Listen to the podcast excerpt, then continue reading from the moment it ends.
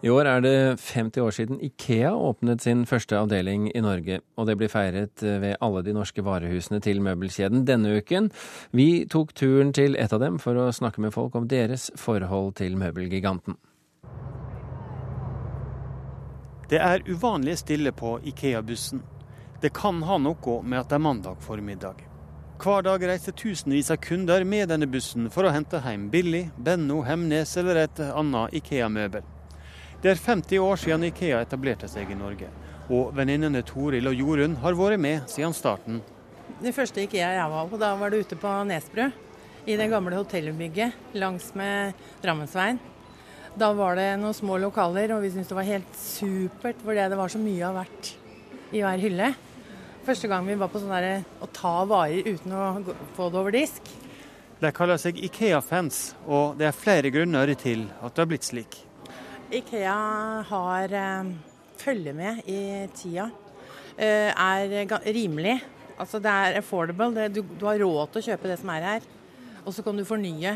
Og så følelsen at du er, følger med i tida og liker, eh, liker det, Jeg liker det jeg ser. Også, vi snakka akkurat om det, at det er så mye gode designere som er tilknytta Ikea. Og det ser man at det er Det ser dyrt ut, men det er ikke det. Det... Så er det jo god kvalitet, da. Og så er det det med at uh, gode designerne og de nye fargene, altså det det er bare Nei, det er, det er morsomt, og så er det god kvalitet. Så det Det er ikke veldig mye hjemme som ikke er fra Ikea, for å si det sånn. Enkelte mener Ikea kan være en test i hvor sterkt et forhold er. Med 50 års Ikea-erfaring har Jorunn et par knep på lur. Ja, Mannen blir med på den betingelsen at jeg vet hva jeg skal ha på forhånd. Og så hender det at jeg plasserer han borte i kafeen med en kopp kaffe, og så løper jeg litt rundt sjøl, da.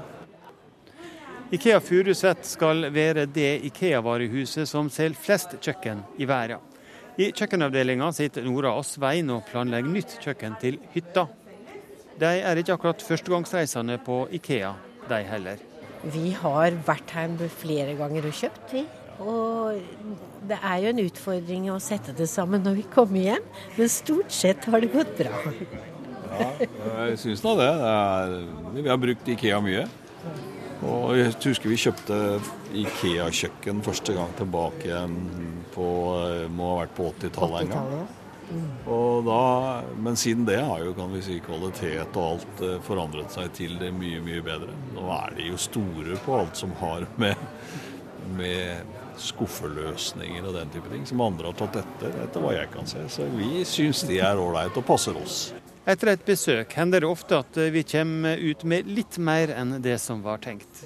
I billigkroken står Marit, og hun skulle egentlig bare ha et lite utebord. Det ble de blomstene jeg snakket om. Så ble det lyspærer som jeg faktisk trengte, som jeg ventet med å kjøpe til jeg skulle på Ikea. Og disse to stolputene til eh, å bytte ut på de gamle utslitte på kjøkkenet. Også nødvendig. Så det er ikke noe ekstra her. Så det er ikke noe unødvendig og ikke noe dill. Ikke noe sånne lys og servietter og sånt noe. Nei. Veldig greit. Jeg tror du finner det du skulle ha? Nei, altså Det jeg skulle ha, ser det ikke ut som jeg finner. Nei. Så det, det får bare Sånn er det bare.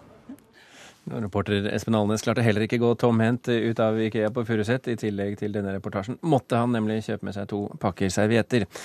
Velkommen til eh, Kulturnytt, Benedicte Sunde, daglig leder og kurator ved Norsk design- og arkitektursenter. Takk. Er, er det noe av suksessen til Ikea, at man aldri går tomhendt ut av en butikk? Ja, det er jo bl.a. beskrevet i eh, en av eh, biografiene om Ikea. At man, det er hele poenget med Ikea. At fra det øyeblikket du går inn, tar Ikea deg godt i hånden og leder deg gjennom hele avdelinger, sted til sted, sånn at du skal være sikker på at du kommer ut med mer enn du enn du trenger. ja.